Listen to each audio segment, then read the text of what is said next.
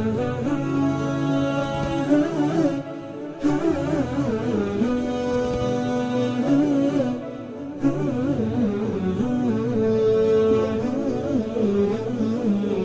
الله الرحمن الرحيم. الحمد لله رب العالمين وصلى الله وسلم وبارك على سيدنا ونبينا محمد وعلى آله وصحبه أجمعين. اللهم علمنا ما ينفعنا وانفعنا بما علمتنا وارزقنا الإخلاص والسداد في القول والعمل. حياكم الله والاخوه الكرام في هذا المجلس القراني المبارك وفي هذا اللقاء الرابع والتسعين من لقاءات التعليق على تفسير الإمام عبد الله بن عمر البيضاوي الشافعي رحمه الله تعالى. واليوم هو الأحد السادس من شهر صفر من عام 1438 للهجرة.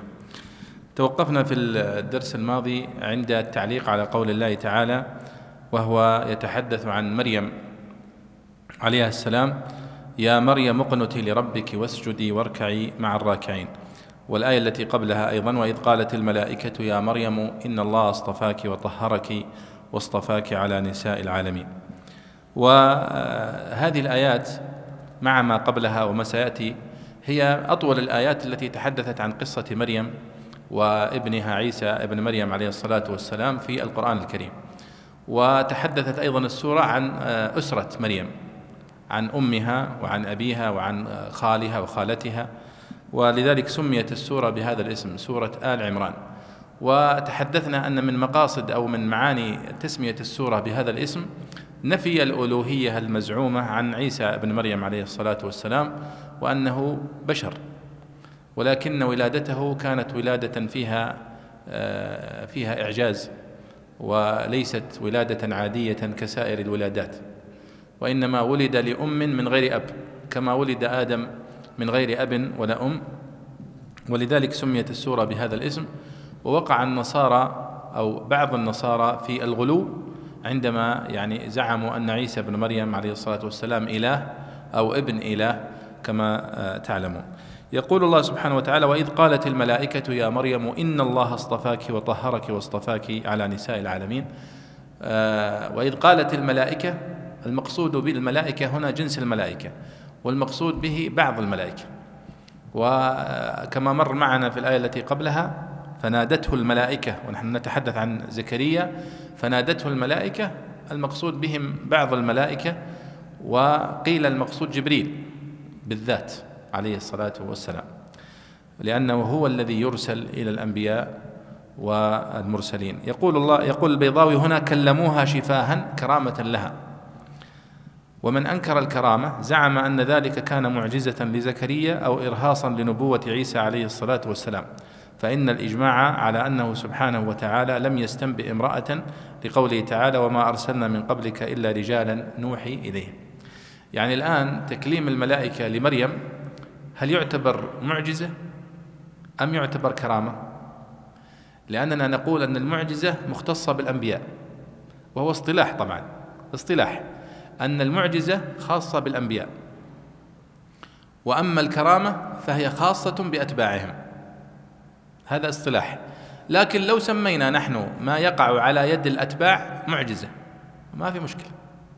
اصطلحنا على هذا الاصطلاح فليس في ذلك مشكلة. لكننا اصطلاح العلماء أنهم يطلقون الكرامة على ما يظهر على يد أتباع الأنبياء من خوارق العادات. مثل قصة أصحاب الكهف مثلا فهي كرامة لهم. أما ما وقع على يد عيسى فهي معجزة. ما وقع على يد موسى معجزة. ما وقع على يد الخضر طيب هل يعتبر معجزة أم يعتبر كرامة؟ في الخلاف طبعا هل هو نبي أو ليس نبي؟ والصحيح أنه ليس نبي وأن ما وقع له كرامة. هل هي كرامة لأنه من أتباع موسى؟ أم هو من أتباع غيره؟ الصحيح أنه من أتباع موسى لأنه في زمانه. وقال بعض العلماء أنه ليس من أتباع موسى لأنه ليس من بني إسرائيل. وموسى مختص ببني إسرائيل وعيسى مختص ببني إسرائيل وكل أنبياء بني إسرائيل وهم كثيرون. من أبناء يعقوب إلى عيسى. كل هؤلاء يدخلون تحت أنبياء بني إسرائيل مختصون ببني إسرائيل فقط. والنبي صلى الله عليه وسلم في الحديث الصحيح قد أخبرنا بهذه الحقيقة وقال أوتيت خمسا لم يعطهن أحد من الأنبياء قبلي. وذكر منها قال وكان النبي يبعث إلى قومه خاصة وبعثت إلى الناس كافة. فهذه ميزة يعني فيها يعني دليلان أو أدلة لكن منها أول شيء شمول نبي نبوة النبي صلى الله عليه وسلم واختصاص نبوات الأنبياء السابقين. عيسى وستأتي معنا الآن. طيب إذا ما وقع لمريم هو كرامة. لأنها ليست نبية بالإجماع. لأن الله سبحانه وتعالى قد أخبرنا أنه لم يبعث نبية من النساء أبدا. قال وما أرسلنا من قبلك إلا رجالا. رجالا نوحي إليهم. طيب ثم تكلم البيضاوي عن معنى الاصطفاء وإذ قالت الملائكة يا مريم إن الله اصطفاك وطهرك واصطفاك. على نساء العالمين. فكرر الاصطفاء مرتين. فقال العلماء الاصطفاء المقصود به الأول يا مريم إن الله اصطفاك تقبلها من والدتها عندما نذرتها للعبادة وللخدمة في المسجد. فهذا هو الاصطفاء الأول. وتفريغها للعبادة وإغناؤها برزق الجنة عن الكسب وتطهيرها كل هذا لا شك أنه اصطفاء. والاصطفاء الثاني هدايتها وإرسال الملائكة إليها وتخصيصها بالكرامات السنية يعني الكرامات العظيمة الكبيرة. ومنها حملها بعيسى بن مريم عليه الصلاة والسلام. وتبرئتها مما قذفتها به اليهود بإنطاق ابنها وهو طفل في المهد وجعلها آية للعالمين. هذا لا شك أن كل هذا اصطفاء. ولذلك الله سبحانه وتعالى رفع مريم عليها الصلاة والسلام على نساء العالمين ورجح الإمام الطبري والواحدي وغيره من المفسرين أن المقصود بقوله واصطفاك على نساء العالمين أي عالمي زمانك. لأنه قد ثبت أن فاطمة ابنة محمد سيدة نساء أهل الجنة وخديجة أيضا أخبر النبي صلى الله عليه وسلم عنها كذلك. فلذلك مريم ابنة عمران هي سيدة نساء العالمين في زمانها وفاطمة سيدة النساء في زمانها. ولا يمنع أن تكون مريم من سيدات نساء العالمين مطلقا. فإنهم محصورون. يعني في النهاية يبقى النساء المصطفيات في على مستوى العالم كله على مستوى التاريخ محصورات. في من ذكرهم الله سبحانه وتعالى وذكرهم النبي صلى الله عليه وسلم. ثم قال الله سبحانه وتعالى يا مريم اقنتي لربك واسجدي واركعي مع الراكعين. وهذا من كلام الملائكة. وسيأتي أيضا. هل هذه قرأناها يا شيخ؟ يا مريم اقنتي لربك واسجدي واركعي مع الراكعين. قال البيضاوي أمرت بالصلاة في الجماعة. بذكر أركانها مبالغة في المحافظة عليها. وقدم السجود على الركوع إما لكونه كذلك في شريعتهم أو للتنبيه على أن الواو لا توجب الترتيب أو ليقترن اركعي بالراكعين للإيذان بأن من ليس في صلاتهم ركوع ليسوا مصلين. طيب. يا مريم اقنتي لربك واركعي واسجدي. عفوا. يا مريم اقنتي لربك واسجدي واركعي مع الراكعين. القنوت هو الطاعة مطلقا. وإدامة الطاعة هي القنوت. وسمي دعاء القنوت قنوتا لما فيه من الإطالة والدعاء والتعبد والتذلل. فيقول البيضاوي أنها أمرت بالصلاة في الجماعة لقول واركعي مع الراكعين وذكر وذكرت أركان الصلاة السجود والركوع مبالغة في المحافظة على الصلاة. طيب هل الصلاة المفروضة على مريم هي مثل الصلاة التي نصليها اليوم؟ الجواب لا نعلم. لأن الله سبحانه وتعالى قال لكل جعلنا منكم شرعة ومنهاجا. فشريعة آه، موسى التي كانت تسير عليها مريم لأن مريم كانت تتبع شريعة موسى. حتى إذا بعث ابنها وأصبح هو النبي وجاء بتغييرات ونسخ. لشريعة موسى أصبحت شريعة عيسى هي الشريعة الناسخة. طيب. فهنا يقول أنها قد تكون قدم السجود في الآية لأن السجود كان مقدما على الركوع في شريعتهم ربما. وربما أن التقديم هنا ليس له معنى. ليس له معنى يعني ترتيبي. وإنما قدم السجود لفضل السجود على الركوع. فإنه قد أخبرنا النبي صلى الله عليه وسلم أن أقرب ما يكون العبد من ربه وهو ساجد. فقد يكون هذا هو سبب تقديم السجود على الركوع. ومثل هذه القضايا الاجتهادية في التفسير وفي بيان معاني القرآن الكريم تختلف فيها الأنظار. فتجدون في بعض المفسرين يذكر هذا القول وبعضهم يذكر هذا القول بحسب ما يظهر له ولا تثريب عليهم في ذلك فإن هذا مكان موضع اجتهاد في في التفسير. قال وقدم السجود على الركوع إما لكونه كذلك في شريعتهم أو للتنبيه على أن الواو لا توجب الترتيب أو ليقترن اركعي بالراكعين للإيذان بأن من ليس في صلاتهم ركوع ليسوا مصلين كل هذا وارد. وقيل المراد بالقنوت إدامة الطاعة كقوله تعالى أمن هو قانت آناء الليل ساجدا وقائما. وبالسجود الصلاة كقوله وأدبار السجود إلى آخره. والصحيح أن الأمر بالقنوت هو أمر بإدامة الطاعة ومنها الصلاة والإكثار من الصلاة. وقد أمر النبي صلى الله عليه وسلم بذلك في مواضع كثيرة في قوله واستعينوا بالصبر والصلاة. وكان النبي صلى الله عليه وسلم إذا حزبه أمر فزع إلى الصلاة. وقال الله سبحانه وتعالى فإذا فرغت فانصب وإلى ربك فارغب. أي قم إلى الصلاة واستكثر من الصلاة. فكل هذه توجيهات مقبولة وصحيحة. طيب نقرأ يا شيخ البقية. وترى القهوة هذه تراها متاحة يا شباب يعني أظنهم جايبينها بدون بدون قهوة جي. تفضل يا مصعب. أي. أحسنت. أيضا من من بعض الاستنباطات التي يذكرها العلماء في قوله تعالى واركعي مع الراكعين. وجوب صلاة الجماعة. وجوب صلاة الجماعة. ولكن هذا دليل غير آه، صريح على ذلك لأن قد يكون معناها واركعي مع الراكعين أي أقيم الصلاة كما يقيمها كل المؤمنين في كل زمان. وليس بالضرورة أن يكون المقصود اركعي مع الراكعين جماعة في مكان واحد. نعم. لكن هناك من يستدل بهذا الدليل على آه، صلاة الجماعة.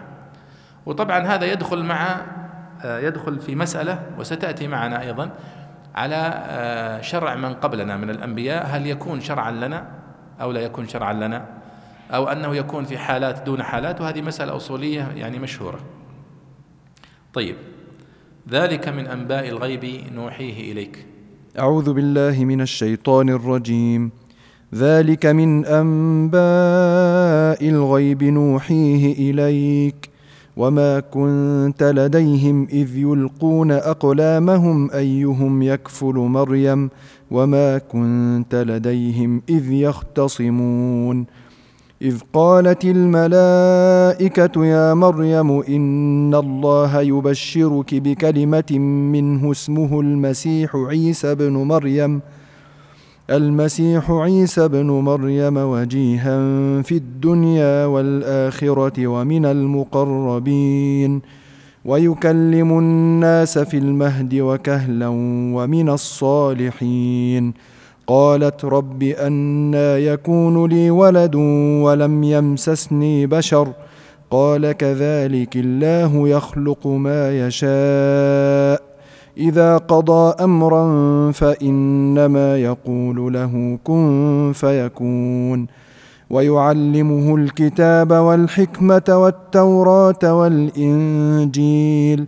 ورسولا إلى بني إسرائيل أني قد جئتكم بآية من ربكم أني أخلق لكم من الطين كهيئة الطير فأنفخ فيه فيكون طيرا بإذن الله وأبرئ الأكمه والأبرص وأحيي الموتى بإذن الله.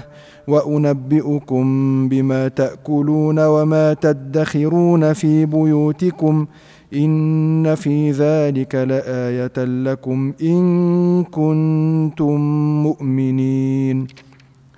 قال الإمام البيضاوي رحمه الله ونفعنا الله بعلومه في الدارين آمين. ذلك من أنباء الغيب نوحيه إليك أي ما ذكرنا من القصص من الغيوب التي لم تعرفها إلا بالوحي. وما كنت لديهم إذ يلقون أقلامهم أقداحهم للاقتراع وقيل اقترعوا بأقلامهم التي كانوا يكتبون بها التوراة تبركا والمراد تقرير كونه وحيا على سبيل التهكم بمنكريه فإن طريق معرفة الوقائع المشاهدة والسماع وعدم السماع معلوم لا شبهة فيه عندهم فبقي ان يكون الاتهام باحتمال العيان ولا يظن به عاقل أيهم يكفل مريم متعلق بمحذوف دل عليه يلقون أقلامهم أي يلقونها ليعلموا أو يقول أيهم يكفل مريم وما كنت لديهم إذ يختصمون تنافسا في كفالتها. جميل. يقول الله سبحانه وتعالى ذلك من أنباء الغيب نوحيه إليك. يعني كل الذي تقدم وسوف يأتي أيضا من الأخبار الغيبية التي لا تعرفها يا محمد ولا يعرفها قومك من قبل هذا من قبل أن نخبركم بها. وهذه أيها الإخوة جزء من آه، من حجج القرآن الكريم التي تثبت صدق هذا القرآن الكريم وصحة مصدر القرآن الكريم وإلهية المصدر. لأن كل الأدلة وكل القرائن تثبت أن النبي صلى الله عليه وسلم لم يكن قادرا على أن يأتي بهذه الأخبار من ذات نفسه ولا وليس في المحيط الذي عاش فيه النبي صلى الله عليه وسلم من يستطيع أن يأتي له بهذه التفاصيل. بل إن القرآن الكريم قد ذكر من التفاصيل ما لا يعرفه بعض علماء أهل الكتاب. فيقول الله ذلك من أنباء الغيب نوحيه إليك. ولاحظوا أنه قال أنباء. والأنباء جمع نبأ والنبأ هو الخبر العظيم. الخبر الذي له شأن كبير يعني. هذا يقال له نبأ. أي ما ذكرنا من القصص من الغيوب التي لم تعرفها إلا بالوحي. وما كنت لديهم إذ يلقون أقلامهم. أيهم يكفل مريم؟ قلنا أنهم لما ولدت مريم وجاءت بها والدتها إلى هؤلاء العلماء وكان منهم زكريا عليه الصلاة والسلام وهو نبي من الأنبياء وهو خال آه، خال أو زوج خالة مريم. فأرادت أم مريم أن يعني تعرضها لمن يتكفل بتربيتها والعناية بها. ولا ندري لماذا هذا التصرف يعني. هل هذا كان شائعا عندهم في التربية؟ وخاصة الذي ينذر بأن يكون يعني خادما في المعبد أنه يؤتى به إلى هؤلاء العلماء والأحبار فيتولون هم تربيته؟ ربما يكون هذا هو السبب والله أعلم. ولأنه قد يقول قائل لماذا لم تمسكها والدتها وتربيها في البيت وحتى تكبر ثم تهديها لهذا المسجد أو لهذا المعبد؟ فيقيل أنهم اقترعوا بأقلامهم وظاهر القرآن أن المقصود به اقترعوا بالأقلام الأقلام التي يكتب بها لأنهم كلهم هؤلاء من العلماء زكريا ومن معه. ف يعني اقترعوا بالأقلام التي يكتبون بها التوراة. كيف اقترعوا؟ الله أعلم. في بعض الروايات الإسرائيلية يقال أنهم كانوا يرمون بالأقلام في النهر فإذا طفى القلم آه، يعني رست المنافسة على من يطفو قلمه. وقيل غير ذلك لكن هم يعني صنعوا ما يسمى بالقرعة. صنعوا ما يسمى بالقرعة فيما بينهم بطريقة يعني يتفاهمون عليها. فيعني كانت من نصيب زكريا عليه الصلاة والسلام. والله سبحانه وتعالى قال وكفلها زكريا. يعني أن الله سبحانه وتعالى قد أراد أن يكون زكريا هو الكفيل لها ولذلك هيأ الأسباب لذلك. كما فعل مع والد عبد الله آه، عفوا والد النبي صلى الله عليه وسلم عبد الله عندما اقترع بينه وبين الإبل في القصة المشهورة. طيب.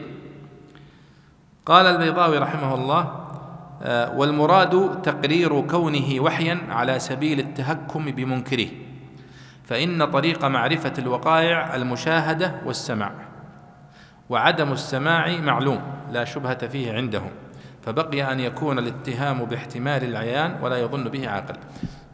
يعني يقول الآن هؤلاء المشركون الذين ينكرون نبوة النبي صلى الله عليه وسلم يدركون مئة بالمئة أن النبي صلى الله عليه وسلم لم يسمع بهذه الأخبار بنفسه ولم يتصل أخبارها به لأنهم هم يعيشون في نفس البيئة وأنه لا يعرف هذه الأخبار بالسماع. فهل يمكن يخطر بالبال أنه شاهدهم؟ أنه كان النبي صلى الله عليه وسلم حاضرا عندما وقعت هذه القصة؟ طبعا هذا من باب أولى غير صحيح صح؟ إذا كانوا هم يعني مقتنعين مئة بالمئة أنه لم يسمع بهذه الأخبار فمن باب أولى أنه لم يشاهدها. فالله سبحانه وتعالى نفى المشاهدة لأنهم هم من قبل ينفون السماع. فقال وما كنت لديهم إذ يلقون أقلامهم أيهم يكفل مريم؟ وما كنت لديهم إذ يختصمون. فهو ينفي الشيء الأولى لأنهم هم قد نفوا الشيء الأقل. طيب فقال وعدم السماع معلوم عندهم يعني لا شبهة فيه فبقي أن يكون الاتهام باحتمال العيان ولا يظن به عاقل. هذا لا يمكن أن يعتقد أحد أن النبي صلى الله عليه وسلم لم يسمع بهذه القصة ثم يعتقد أنه شاهدها. طيب أيهم يكفل مريم وما كنت لديهم إذ يختصمون في كفالتها؟ وقلنا أن الله سبحانه وتعالى كما عندما قال فتقبلها ربها بقبول حسن أن الله قد أنزل وألبس مريم. ابنة عمران من القبول والمحبة ما جعلت هؤلاء يتنافسون في تربيتها والعطف عليها والشفقة عليها. تماما كما حدث من قبل لجدها موسى عليه الصلاة والسلام عندما قال الله فيه وألقيت عليك محبة مني ولتصنع على عيني فالمفسرون يقولون أنه لا يشاهده أحد إلا يحبه. وأيضا هي تحتمل أن الله سبحانه وتعالى قد أحبه. ولذلك جعل الناس تحبه. كما في الحديث أن الله إذا أحب عبدا آه، نادى في السماء إن الله يعني إلى آخر الحديث. طيب إذ قالت الملائكة قال رحمه الله إذ قالت الملائكة بدل من إذ قالت الأولى وما بينهما اعتراض أو من إذ يختصمون على أن وقوع الاختصام والبشارة في زمان متسع كقولك لقيته سنة كذا. يا مريم إن الله يبشرك بكلمة منه اسمه المسيح عيسى بن مريم المسيح لقبه وهو من الألقاب المشرفة كالصديق وأصله بالعبرية مشيحا ومعناه المبارك وعيسى معرب إيشوع واشتقاقهما من المسح لأنهما واشتقاقهما من المسح لأنهما مسح بالبركة أو بما طهره من الذنوب أو مسح الأرض ولم يقم في موضع. أو مسحه جبريل ومن العيس وهو بياض يعلوه حمرة تكلف لا طائل تحته. وابن مريم لما كان صفة تميز تميز تمييز الأسماء نظمت في سلكها ولا ينافي تعدد الخبر وإفراد المبتدأ. فإن فإنه اسم جنس مضاف ويحتمل أن يراد به الذي يعرف به ويتميز عن غيره. هذه الثلاثة. فإن الاسم علامة المسمى والمميز له ممن سواه.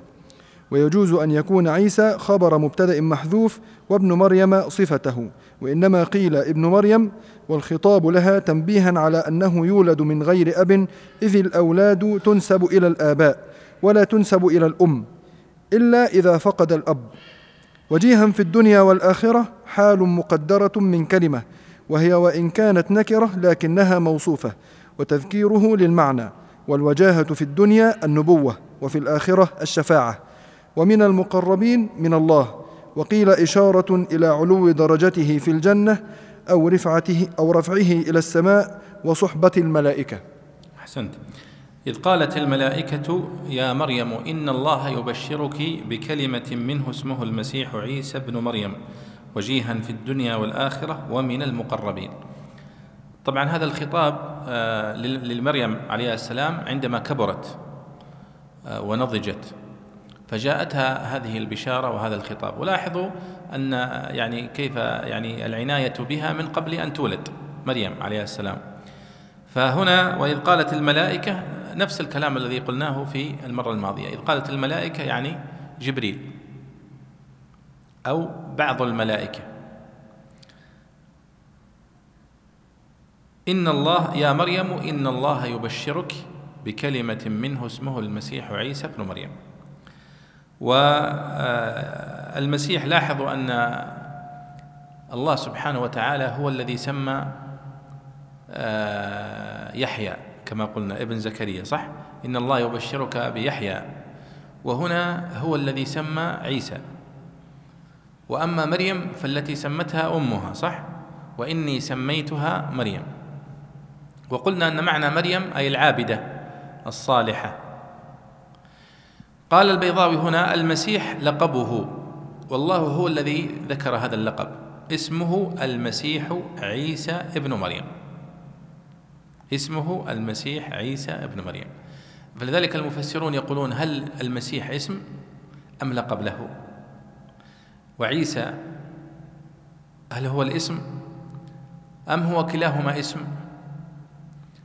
ثم يعني أكثر العلماء على أن المسيح هو لقب وأن عيسى هو الاسم العلم لأنه ورد في مواضع كثيرة عيسى بن مريم دون المسيح لكنه هنا قال المسيح عيسى ابن مريم.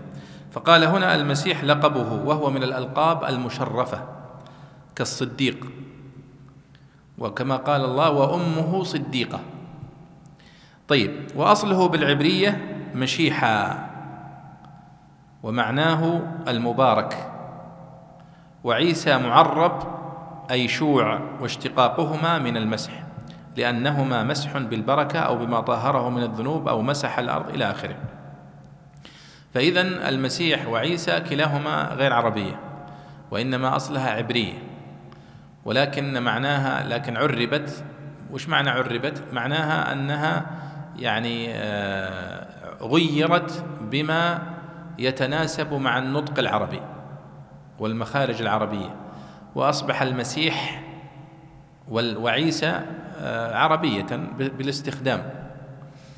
وهذا من الألفاظ أو الأسماء الأعجمية الموجودة في القرآن الكريم التي نقلت من من العبرية ومن اللغات القديمة ولقيت وانتقلت إلى العربية. وهذا لو تلاحظون في القرآن الكريم موجودة أسماء من من آه، آدم ونوح وكل الأنبياء السابقين إلى يعني إلى عيسى عليه الصلاة والسلام. ويعني الراجح والثابت أن كل أن اللغات التي كانوا يتكلمون بها هي لغات غير العربية التي نتكلم بها اليوم. لكن هناك بحث ويمكن أشرنا إلى هذا أن اللغة العروبية أن اللغة العروبية وش معنى العروبية؟ قالوا اللغة العروبية هي اللغة العربية القديمة. هي أصل تفرعت منه كل هذه اللغات ومنها العربية التي نتكلم بها اليوم. و يعني حديث طويل في الحروف وفي الكلمات وفي الدلالات التي تثبت هذا. ثم كيف توزعت هذه اللغات واختلفت هذه الألسنة وظهرت اللغات واللهجات وإلى آخره. هذا مبحث طويل. لا دليل قاطعا عليه. لا دليل قاطعا عليه. ولكن هي مجرد اجتهادات مبنية على قرائن. إما نقوش مكتوبة قديمة أو آه، يعني آثار من هذا القبيل. ومن أكثر ما يستند إليه في هذا الكتب السماوية. التوراة والإنجيل والزبور و ولذلك يعني صار في نقاش طويل في مسائل مثلا على سبيل المثال مثل الاسكندر المقدوني مثلا آه، وفي نقاش هل هو نبي أو أنه آه، قائد عادي أو أنه كافر أو غير مسلم أو مسلم هذه مسألة فيها نقاش طويل.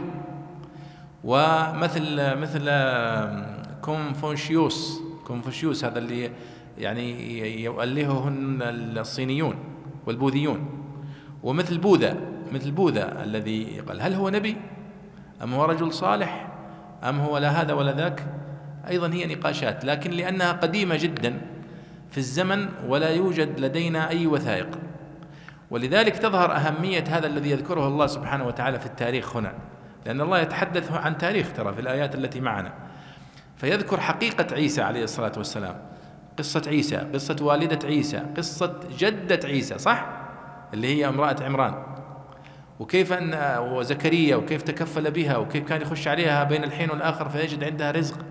تفاصيل هذه التاريخ تكشف حقائق لا يعرفها النصارى وقد وقعوا في الشرك وفي الضلال بسبب الجهل بها أكثر النصارى اليوم يؤلهون عيسى. ويؤلهون والدة عيسى ويشركون بالله سبحانه وتعالى فيعبدون عيسى ويعبدون والدة عيسى. في حين أن الله سبحانه وتعالى يذكر لنا حقيقة عيسى وحقيقة والدته أنهم أناس عاديون يعني خلقوا كغيرهم من الناس. طيب.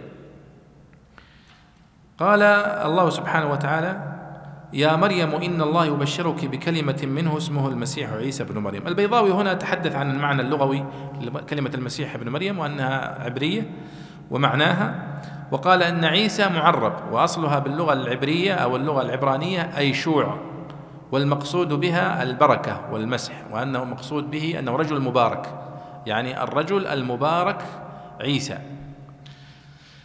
ثم ذكر الإعراب. وقال أيضا نبه على مسألة أن الذين يقولون بأن عيسى مأخوذ من العيس وهو البياض أن هذا غير صحيح. لأن معنى هذا أنه عربي والصحيح أنه غير عربي وأنه آه، عبراني. فقال ومن العيس وهو بياض يعلوه حمرة تكلف لا طائل تحته. هذا رأي الزمخشري بالمناسبة نقله البيضاوي. وقد مر معنا أيضا مثله في إبراهيم وأنه يرفض أن تكون هذه الأسماء أسماء عربية ولذلك الذي يتكلف في البحث عن اشتقاقها بعربية مخطئ. ومثلها يحيى كما مر معنا أن يحيى الأصل أنه أعجمي وليس عربي. فالبحث عن أصل عربي له غير مجدي. قال وابن مريم لما كان صفة تميز تمييز الأسماء نظمت في سلكها ولا ينافي تعدد الخبر. يعني اسمه المسيح عيسى ابن مريم. يلا نعربها. اسمه مبتدأ عيسى خبر. اسمه المسيح عفوا. اسمه المسيح. المسيح خبر. مرفوع علامة رفع الضم الظاهر على آخره. طيب عيسى وش إعرابها؟ المسيح عيسى. هل هو بدل أم هو خبر ثاني؟ هناك من يقول أنه لا يمنع تعدد الخبر. أن تقول اسمه مبتدأ المسيح خبر أول عيسى خبر ثاني إلى آخره. واضح؟ طيب. ويحتمل أن يراد أن الذي يعرف إلى آخره طبعا هذا كله كلام نحوي وإعرابي. قال وإنما قيل ابن مريم والخطاب لها. الخطاب لمريم هنا لكنه قال إن الله يبشرك بكلمة منه اسمه المسيح عيسى ابن مريم. يعني ابنك. كأن في هذا إشارة لها إلى ولادة عيسى من غير أب ونسبته إليها. والأصل أنه ينسب الابن إلى والده إلا إذا لم يتوفر معرفة والده كما في قصة عيسى هنا ليس هناك له أب. أو إذا جهل الأب, الأب كما عند الفقهاء في اللقيط الذي يوجد مثلا فيعرف لا يعرف أبوه مثلا ونحو ذلك. فعند ذلك ينسب لأمه.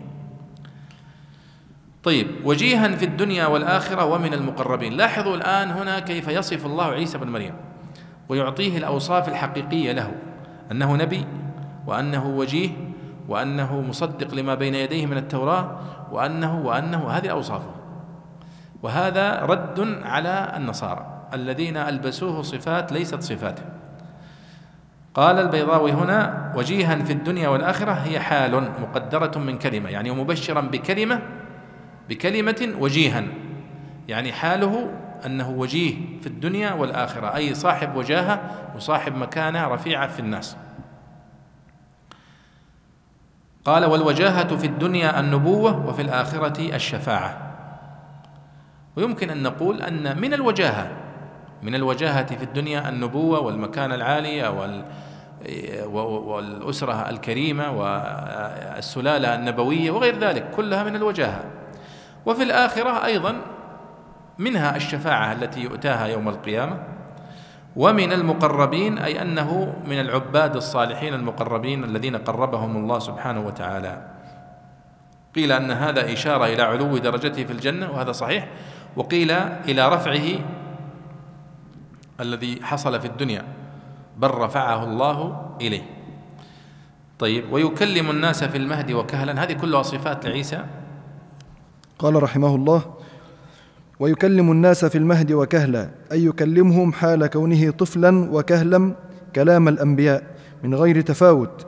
والمهد مصدر سمي به ما يمهد للصبي في مضجعه وقيل إنه رفع شابا والمراد وكهلا بعد نزوله.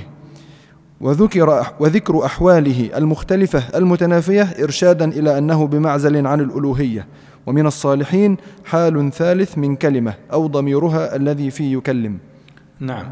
أيضا من صفات عيسى بن مريم أنه يكلم الناس في المهد كما حصل.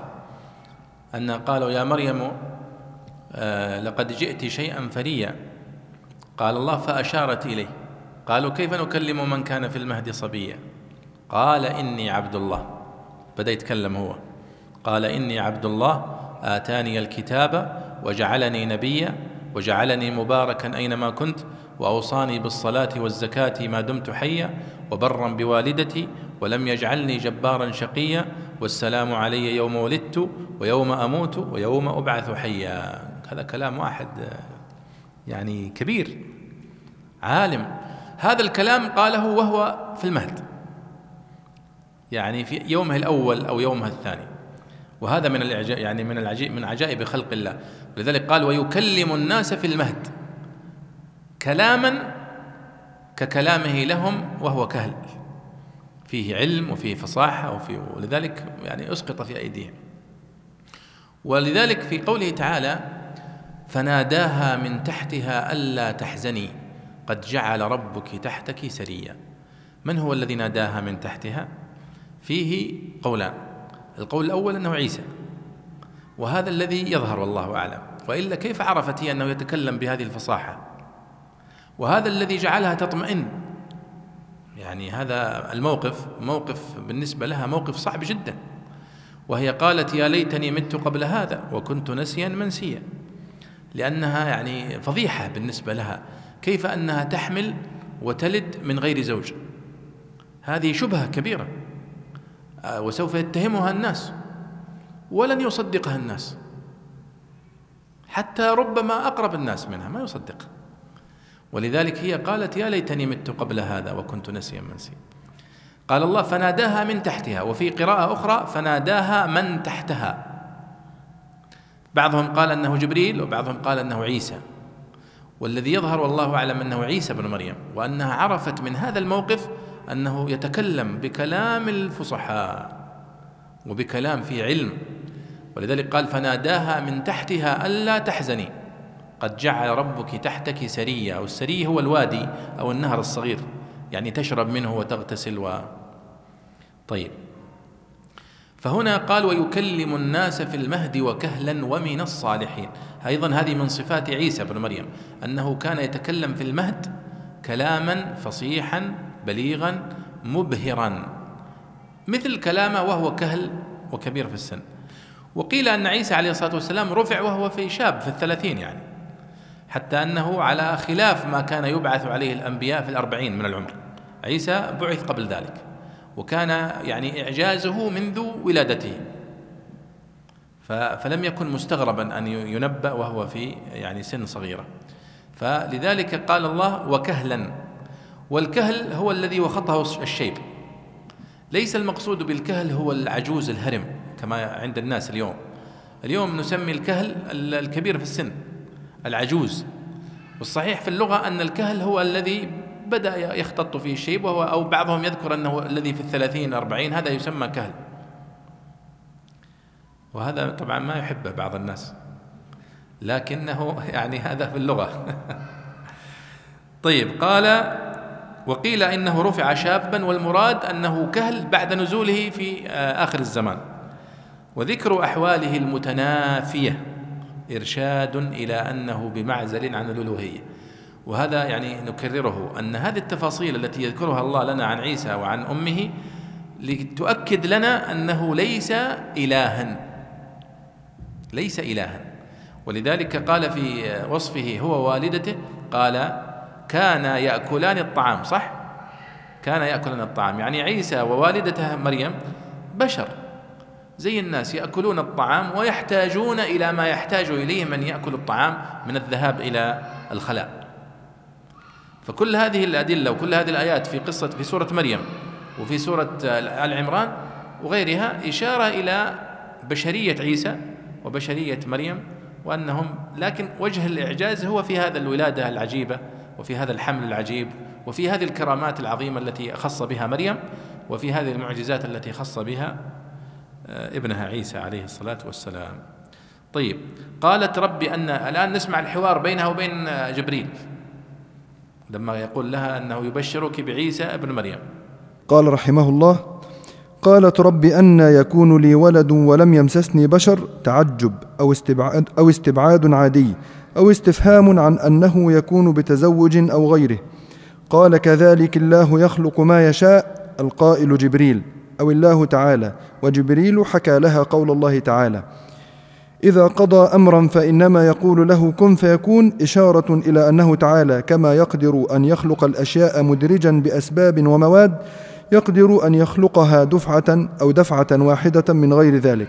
دفعة من غير ذلك. طيب الآن لما قال لها وإن الله يبشرك الملائكة إن الله يبشرك بكلمة منه اسمه المسيح عيسى بن مريم وجيها في الدنيا والآخرة ومن المقربين ويكلم الناس في المهد وكهلا ومن الصالحين. قالت ربي أن يكون لي ولد ولم يمسسني بشر. يعني بجماع وبزواج. طيب لماذا هي سألت هذا السؤال؟ مع أنه ليس في البشارة ما يدل على أنه سيولد من غير أب. الآيات تقول يبشرك بكلمة منه اسمه المسيح عيسى بن مريم. قالت أن يكون لي ولد ولم يمسسني بشر. لماذا لم تفهم هي أنه يبشرك بولد؟ أنك ستتزوجين وسوف ترزقين بولد. قد يكون السبب والله أعلم أنهم قالوا بكلمة من الله ففهمت منه أنه من غير أب. أو قد تكون فهمت من قوله قولهم اسمه المسيح عيسى بن مريم أنه ليس له أب. قد يكون هذا. أو أنهم قد أخبروها هم بأنه سيكون من غير أب ولكنه لم يذكر في الآيات. ولذلك جاء استنكارها. أن قالت ربي أن أن يعني كيف؟ على وجه الاستبعاد والاستنكار. أن يكون لي ولد ولم يمسسني بشر. لم أتزوج. لأنها تعرف أنه لا يمكن أن يولد الولد أو المولود إلا بالزواج والنكاح وأن هذه هي سنة مضطردة ومعروفة ومستقرة عند الناس. فكان الجواب قال كذلك الله يخلق ما يشاء.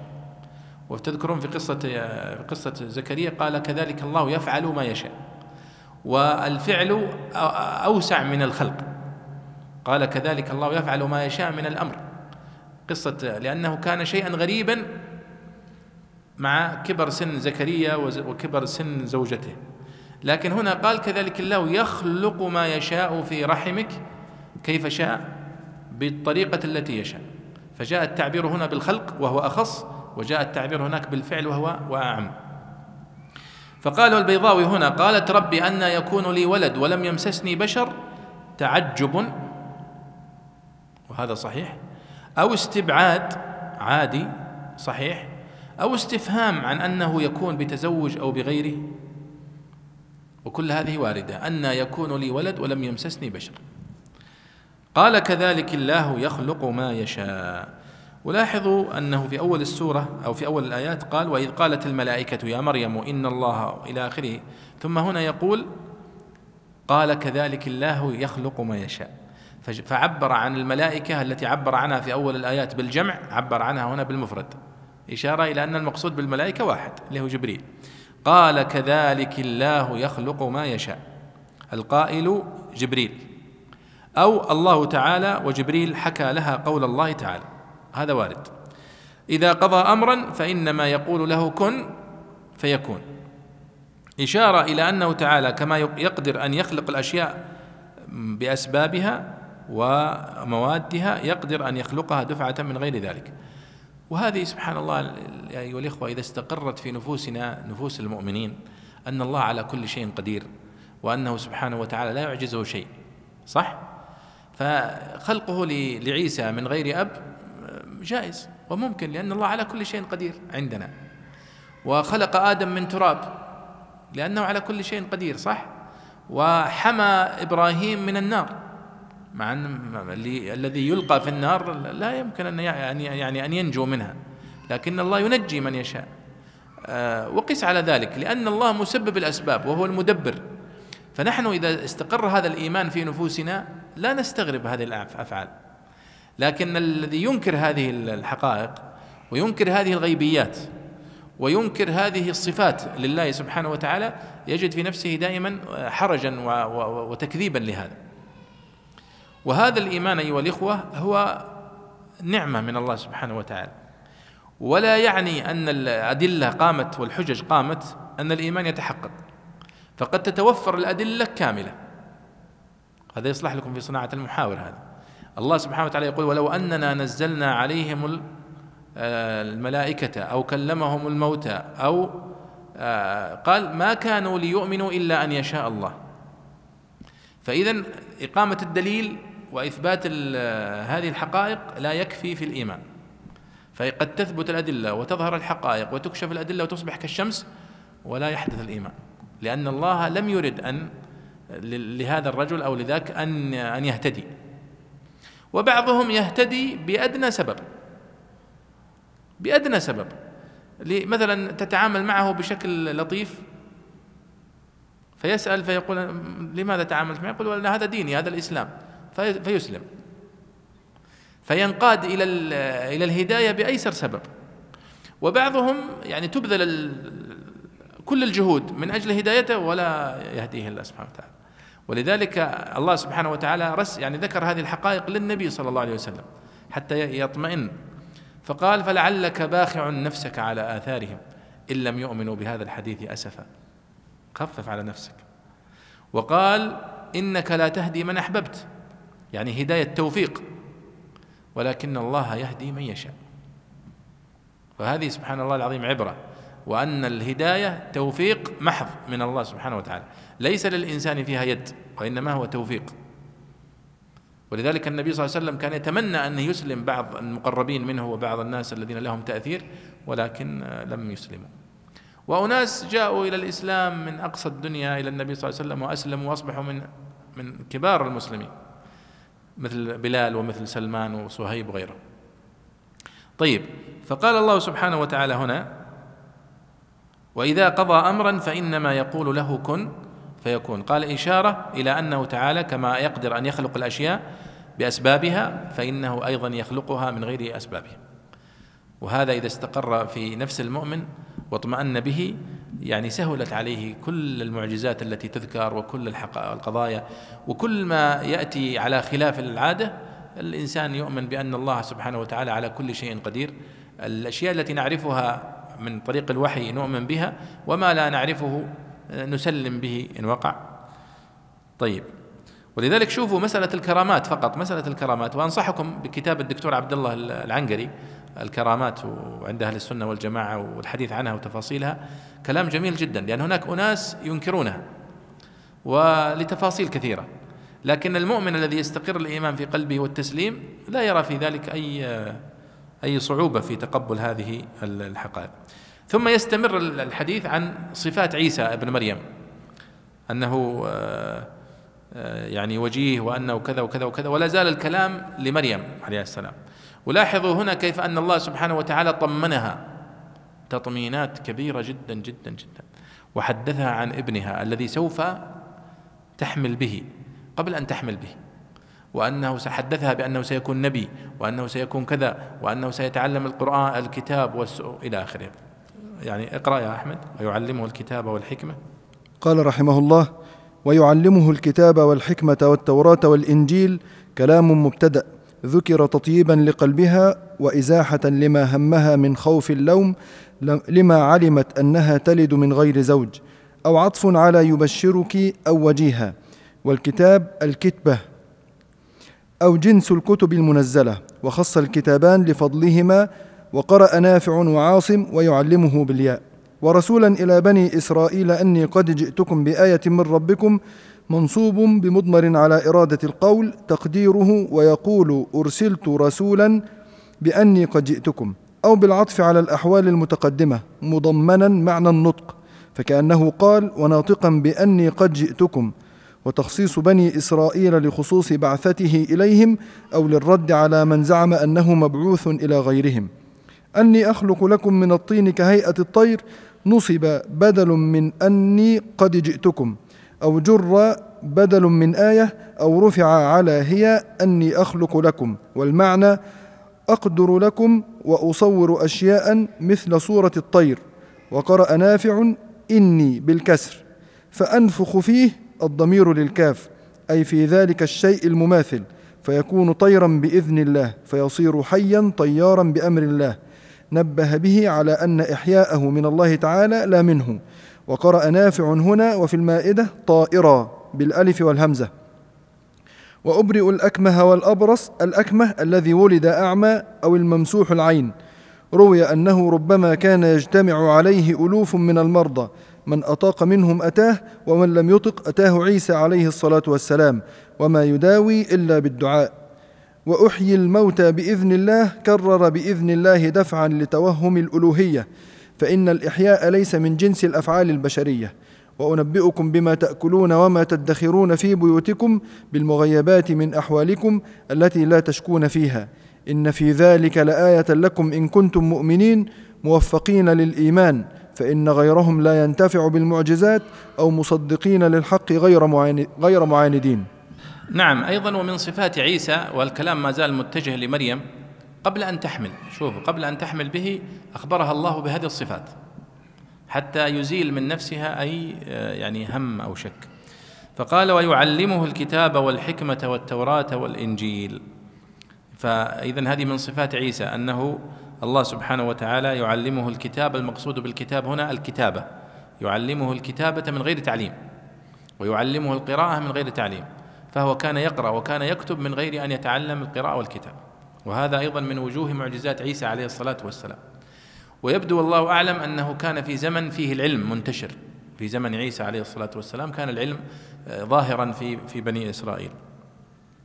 وقد أخبرنا الله سبحانه وتعالى أنهم لم يقعوا في الاختلاف إلا من بعد ما جاءهم العلم. وأن هذا بغي بينهم وتنازع من أجل العلم الذي أوتوه. قال آه وخص الكتابان لفضلهما. يعني لماذا قال؟ ويعلمه الكتابة الكتابة والحكمة. الحكمة هنا المقصود بها في في عيسى عليه الصلاة والسلام العقل وكمال الرشد وحسن سياسة الأمور. فكان عيسى عليه الصلاة والسلام على صغر سنه حكيما يرجع إليه. فيحل ما بينهم من من الخلافات ورزق عقلا ورزق حكمة جعلتهم يعني ينبهرون منه في صغره. قال ويعلمه الكتاب والحكمة والتوراة والإنجيل. التوراة هو الكتاب الذي أنزل على موسى عليه الصلاة والسلام. فإذا هو كان الكتاب الذي أيضا يعني آه، اتبعه عيسى عليه الصلاة والسلام. فكان ملزما باتباع ما في التوراة زائد الإنجيل. الإنجيل هو الذي نزل على عيسى بالذات. التوراة نزل على موسى.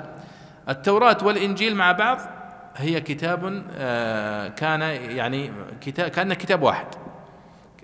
كأنه كتاب واحد لكن ما في التوراة عفوا ما في الإنجيل فيه نسخ لبعض ما في التوراة. وهذا دليل على ثبوت النسخ حتى في الشرائع السابقة. ولذلك قال ولأحل لكم بعض الذي حرم عليكم وجئتكم إلى آخره. فجاء ببعض الأشياء بعض القيود بعض قال ويضع عنكم إصركم والأغلال التي كانت عليكم. فهذا كله من النسخ والتخفيف عنهم في الشرائع التي سبقتهم. طيب ويعلمه التوراة والإنجيل كل ذلك من غير معلم. وهذا هو وجه الإعجاز أن عيسى عليه الصلاة والسلام لم يتعلم من بشر وإنما كان تعليمه تعليما إلهيا ربانيا. تولته الملائكة أو تولاه الله مباشرة فعلمه كما علم محمد صلى الله عليه وسلم. محمد صلى الله عليه وسلم ما تعلم عند أحد. ما تعلم عند أحد أبدا لا يقرأ ولا يكتب. وهذه صفة يعني اختص بها النبي صلى الله عليه وسلم الأمية. فكان ما يقرأ ولا يكتب ولكنه كان عليه الصلاة والسلام عالما. وكان فصيحا كان بليغا عليه الصلاة والسلام. وجاءنا بهذا النور كله. ولذلك أذهل العلماء أذهل الذين يعرفون الكتب السماوية السابقة الذين كانوا يعرفون المثقفين مثل عبد الله بن سلام. لما رأى النبي صلى الله عليه وسلم وخالطه وسمع كلامه بهر مع أنه هو كان من كبار علماء اليهود. طيب. ولذلك لاحظوا أيضا العالم المنصف طبعا يكون آه، يعني آه، إيمانه أقرب من من غيره لأنه هو مع علمه وسعة اطلاعه ثم يطلع على هذا الوحي وعلى هذا القرآن فإنه يشعر يعني يتيقن أن هذا حق. كما كان أيضا من علماء بني إسرائيل عندما رأوا ما جاء به عيسى وما جاء به من العلم وما جاء به وما كان لديه من الرشد يعني آمنوا به وانقادوا له. قال الله سبحانه وتعالى قال ويعلمه الكتاب والحكمة والتوراة والإنجيل. وتذكرون كلمة الإنجيل واشتقاقها وأنها غير عربية إنما هي عبرية وكلام البيضاوي عنها قد تقدم. قال وقرأ نافع وعاصم ويعلمه بالياء. وكأنه هو يعني يفسر على قراءة آه، حمزة وقراءة أبي عمرو التي هي القراءة الأخرى ونعلمه الكتاب والحكمة والمخاطب المتكلم هو الله سبحانه وتعالى. طيب قال ورسولا إلى بني إسرائيل أني قد جئتكم بآية من ربكم أني أخلق لكم من الطين كهيئة الطير إلى آخره. أي أن من صفات عيسى بن مريم التي ذكرها الله سبحانه وتعالى لأمه مريم قبل أن تحمل به أنه سوف يكون رسولا إلى بني إسرائيل خاصة. كشأن موسى عليه الصلاة والسلام وكشأن أنبياء بني إسرائيل كلهم أنهم يبعثون إلى بني إسرائيل فقط. وبنو إسرائيل في زمان عيسى يعني هو كان آخر أنبياء بني إسرائيل عيسى بن مريم. كانوا متشعبين في قبائل وبطون كثيرة جدا.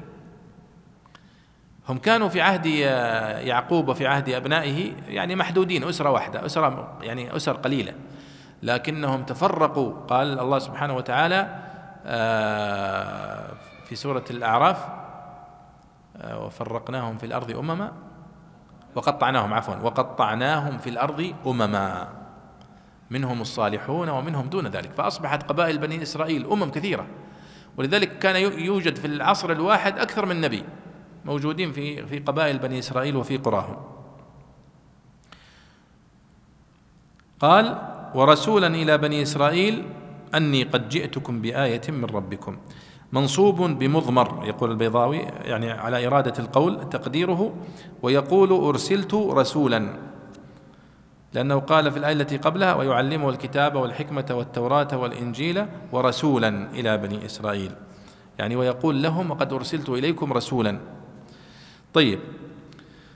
أو بالعطف على الأحوال المتقدمة مضمنا معنى النطق إلى آخره وناطقا بأني قد جئتكم. وتخصيص بني إسرائيل قال لخصوص بعثته إليهم أو للرد على من زعم أنه مبعوث إلى غيره. ويعني قلت لكم أن الأدلة كثيرة على أن عيسى وموسى وكل أنبياء بني إسرائيل وغير بني إسرائيل كانوا يرسلون إلى أقوامهم خاصة أو يرسلون إلى أقوام مخصوصين. ليس بالضرورة أن يكونوا أقوامهم. فممكن أن يرسل النبي وهو ليس ليسوا من قومه لكن يرسل إليهم بالنبوة. مثل على سبيل المثال آه، لوط.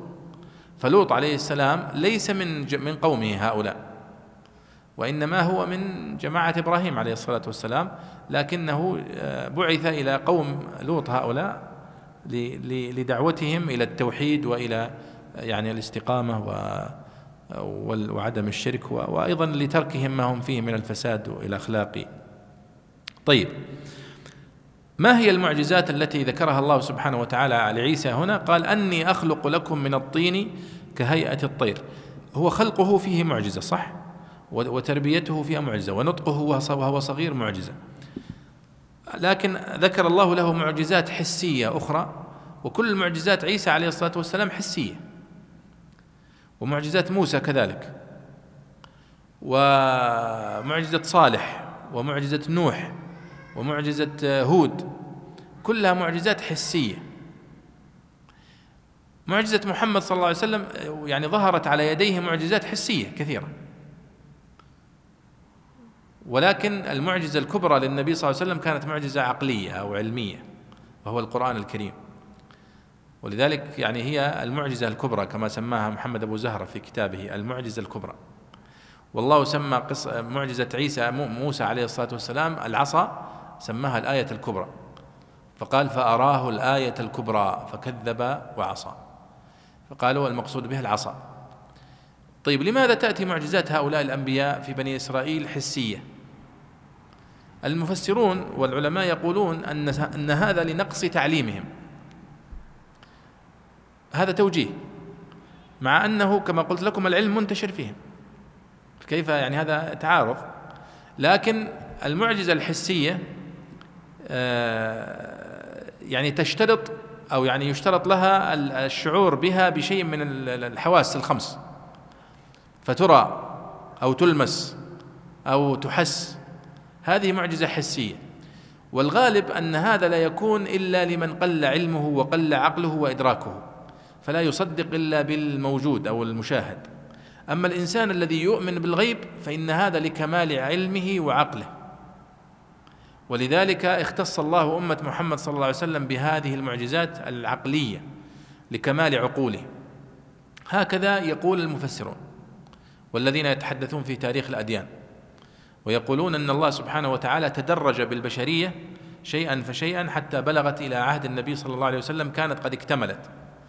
مداركها العقلية فجاءت المعجزة الكبرى للنبي صلى الله عليه وسلم القرآن. ولذلك لاحظوا معجزة القرآن ميزتها أنه يستوي في الإيمان بها من نزلت عليه ومن سمع بها بعد ذلك. فنحن اليوم القرآن الذي بين أيدينا هو الذي نزل على النبي صلى الله عليه وسلم نفسه.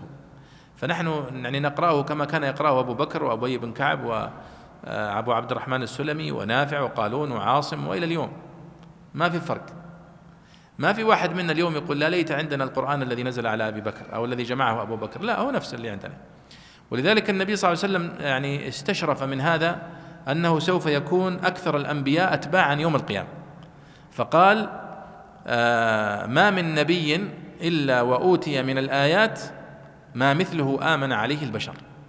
وهذا دليل على أنه لا يوجد نبي إلا وله معجزة.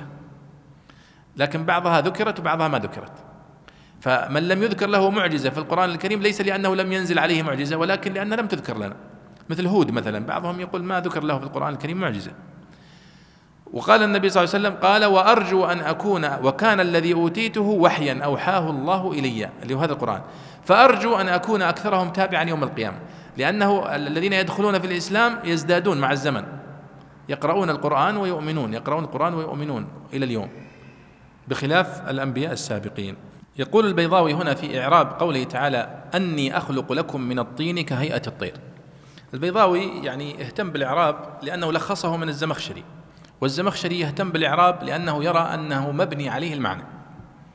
لأن الزمخشري كما قلت لكم سار في تفسيره على أساس أن يبين بلاغة القرآن الكريم المعتمدة على علمي المعاني والبيان وهما يعتمدان على النظم والنظم هو النحو.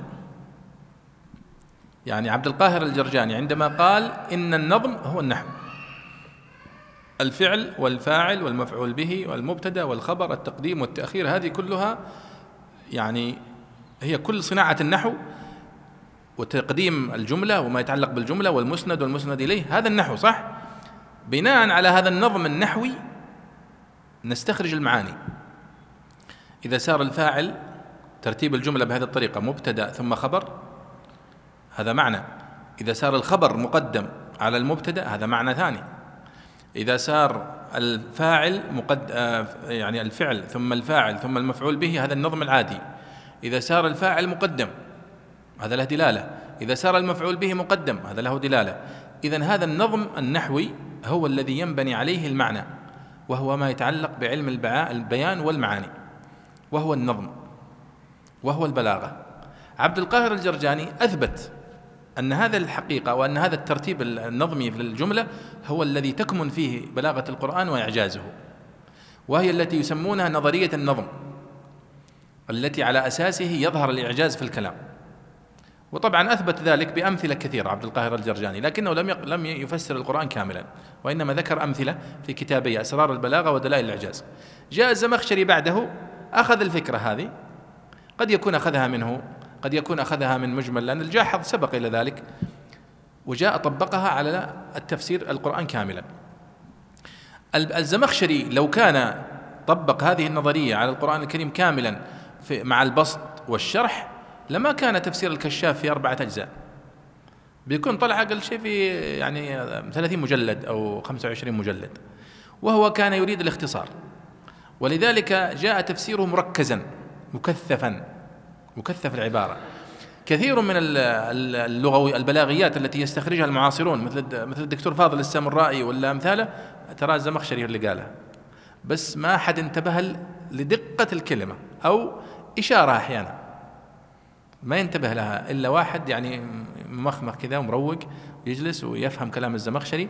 وقد لا يكون قاله في نفس الآية. قد يكون قاله في أول التفسير أو في أول موضع مشابه له. لكنه ينزل على كل المواضع المشابهة. وهذه مثل نظرية التقديم والتأخير هذه خلاص قاعدة تفهمها من إياك نعبد وإياك نستعين.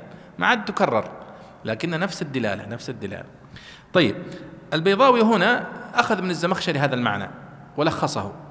نجح في مواضع كثيرة ولكن في بعض المواضع أخفق. فتقرأ كلام البيضاوي ما تدرك المقصود. تذهب إلى كلام الزمخشري فتفهم بسهولة. وهو أراد أن يلخص كلام الزمخشري. فقوله هنا أني أخلق لكم من الطين كهيئة الطير. وش إعرابها؟ قال لها ثلاث إعرابات. إما أنها بدل من أني قد جئتكم يعني ورسولا ألا إلى بني إسرائيل أني قد جئتكم. هو ورسولا إلى بني إسرائيل أني أخلق لكم من الطين كهيئة الطير فهي بدل منها. أو أنها جر بدل من آية مثلا ورسولا إلى بني إسرائيل أني قد جئتكم بآية من ربكم أني قد جئتكم بأني أخلق لكم من الطين كهيئة الطير. هذا الإعراب الثاني. الإعراب الثالث أو رفع على هي أني أخلق لكم. يعني على أنها خبر. طيب وش المقصود بها؟ قال المقصود بها يعني أخلق لكم من الطين كهيئة الطير. يعني أصنع لكم من الطين أسوي زي زي مجسم الطائر. زي ما يسوون الأطفال الآن. يسوي بالتراب أو بالطين أو بالصلصال هيئة الطير. بس من يقدر ينفخ فيها الروح؟ عيسى ينفخ فيها الروح. غيره ما يستطيع. بس ينفخ فيها الروح من عند نفسه؟ قال لا. ولذلك هو يقول دائم شوف وأني أخلق لكم من الطين كهيئة الطير يعني زي شكل الطائر. فيكون طيرا بإذن الله. ليس بإذني وليس بقدرتي. لكنها قدرة. الله سبحانه وتعالى منحها لعيسى. إعجاز. معجزة. لكي يقنع بني إسرائيل بنبوته. قال فأنفخ فيه فيكون طيرا بإذن الله. أيضا من المعجزات قال وأبرئ الأكمه والأبرص. وأحيي الموتى. بإذن الله برضه حتى لا يظن ظان بأن هذه قدرات خاصة بعيسى من ذات نفسه. وإنه لا يستطيع أن يفعل ذلك إلا بإذن الله.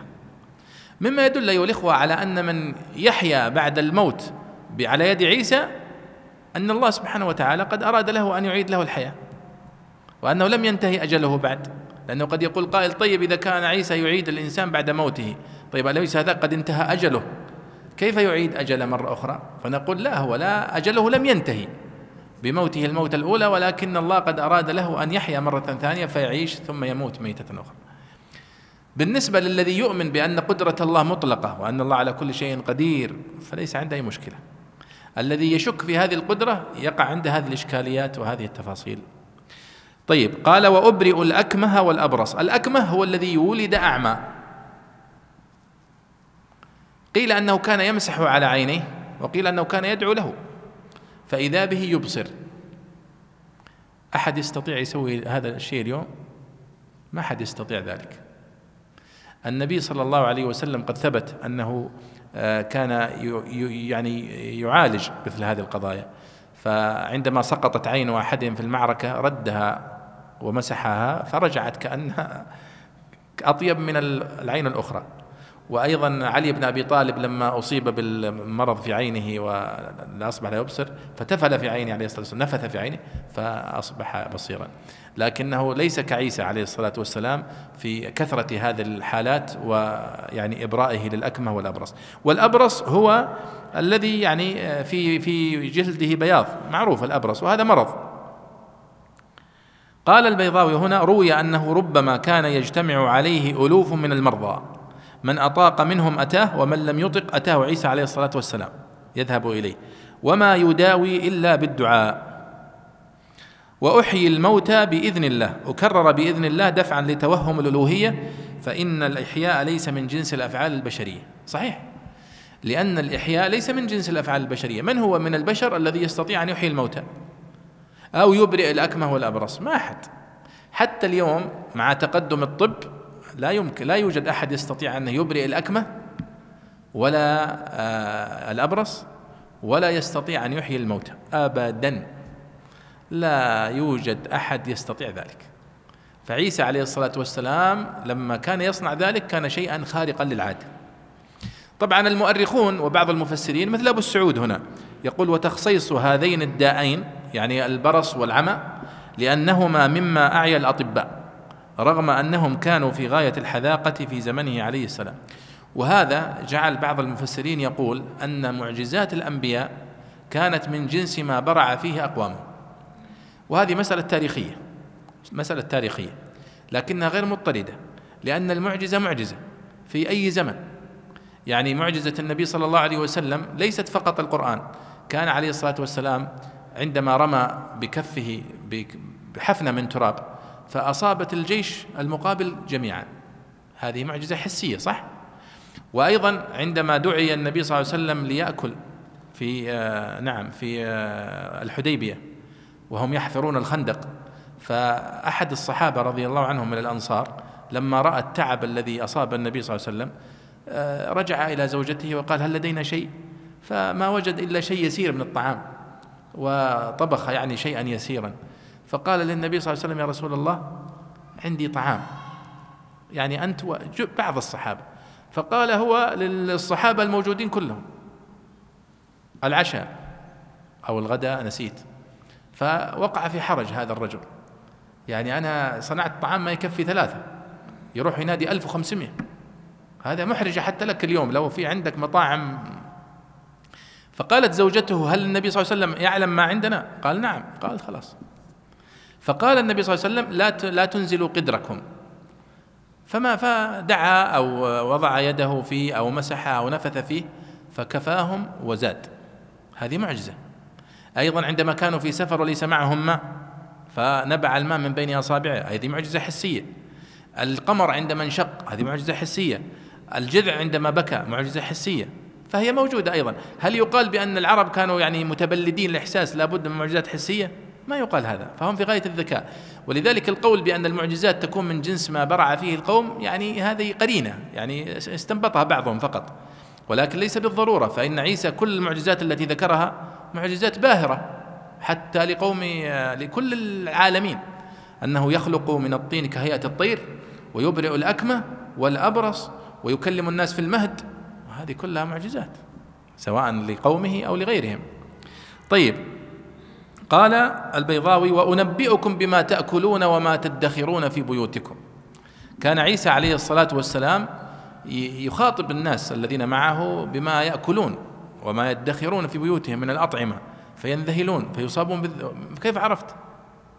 أشياء هي من علم الغيب وهذا كله أيضا من آه، من معجزاته. قال إن في ذلك لآية لكم إن كنتم مؤمنين أي موفقين للإيمان فإن غيرهم لا ينتفع بالمعجزات أو مصدقين للحق غير معاندين. طيب. آه، طبعا أيضا ما زال الحديث متصلا عن عيسى عليه الصلاة والسلام ومصدقا. اقرأ لنا الآية هذه يعني يعني نوقف, عندها إن شاء الله. قال رحمه الله ومصدقا لما بين يدي من التوراة عطف على رسولا على الوجهين أو منصوب بإضمار فعل فعل دل عليه قد جئتكم أو أي وجئتكم مصدقا. ولأحل لكم مقدر بإضماره أو مردود على قوله أني قد جئتكم بآية أو معطوف على معنى مصدقا كقولهم جئتك معتذرا ولأطيب قلبك. بعض الذي حرم عليكم أي في شريعة موسى عليه الصلاة والسلام كالشحوم والثروب والسمك ولحوم الإبل والعمل في يوم السبت. وهو يدل على أن شرعه كان ناسخا لشرع موسى عليه الصلاة والسلام ولا يخل ذلك بكونه مصدقا للتوراة كما لا يعود نسخ القرآن نسخ القرآن بعضه ببعض عليه بتناقض وتكاذب فإن النسخ في الحقيقة بيان وتخصيص في الأزمان. وجئتكم بآية من ربكم فاتقوا الله وأطيعون. إن الله ربي وربكم فاعبدوه هذا صراط مستقيم. طيب خل الآية هذه إلى الدرس القادم. أيضا من من صفات عيسى عليه الصلاة والسلام التي ذكرها الله هنا أنه مصدق لما بين يديه من التوراة. يعني أنه يأتي بشريعة مصدقة لما جاء به موسى.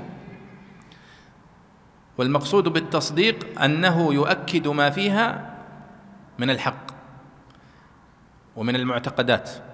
لكن في بعض التشريعات يكون فيها تعديل. لقوله تعالى لكل جعلنا منكم شرعة ومنهاجا. الأنبياء كلهم يتفقون على أشياء على العقيدة التوحيد. فكلهم من آدم إلى محمد يدعون إلى توحيد الله ونبذ الشرك وتوحيد الألوهية وتوحيد العبودية إلى آخره. لكنهم قد يختلفون في الصلاة يتفقون في الزكاة يختلفون في بعض الشرائع البسيطة. فعيسى عليه الصلاة والسلام يقول أيضا أنه جاء مصدقا لما بين يديه من التوراة. والتوراة كما قلنا هي الكتاب الذي أنزل على على موسى عليه الصلاة والسلام. وجئتكم قال وليحل لكم بعض الذي حرم عليكم. يعني هذا تخفيف صح؟ تخفيف من عيسى عليه الصلاة والسلام أو في شريعة عيسى لما كان في شريعة موسى. لأن الله قد يعني شدد على بني إسرائيل عندما شددوا على أنفسهم في شريعة موسى فجاء فيها بعض التشريعات المشددة. كما قال الله سبحانه وتعالى في سورة آل عمران سيأتي معنا كل الطعام كان حلا لبني إسرائيل إلا ما حرم إسرائيل على نفسه من قبل أن تنزل التوراة. يعني في أيام يعقوب عليه الصلاة والسلام. وبعضها أقرت في التوراة وبعضها آه، نسخت. ثم جاء عيسى فزاد التخفيف فقال وليحل لكم بعض الذي حرم عليكم. وكل هذا من باب يعني التبشير بعيسى ويعني الدعوة إلى اتباعه. طيب بعض الذي حرم عليكم أي في شريعة موسى عليه الصلاة والسلام قال البيضاوي كالشحوم والثروب والسمك ولحم الإبل والعمل في السبت. الشحوم معروفة الشحوم. والثروب هي نوع من الشحوم. وهي كما يقول العلماء الثروب هي الشحوم التي تلتف حول البطن يعني. هي تسمى الثروب. والسمك ولحوم الإبل والعمل في يوم السبت. قال وهو يدل على أن شرعه يعني شرع عيسى كان ناسخا لشرع موسى عليه الصلاة والسلام يعني في بعض الشرائع. ولا يخل ذلك بكونه مصدقا للتوراة فهو مصدق لما فيها من العقائد والقضايا الكبرى ولكن قد يكون فيه نسخ لبعض الشرائع. كما لا يعود نسخ القرآن بعضه ببعض عليه بتناقض وتكاذب فإن النسخ في الحقيقة بيان وتخصيص في الأزمان. وجئتكم بآية من ربكم.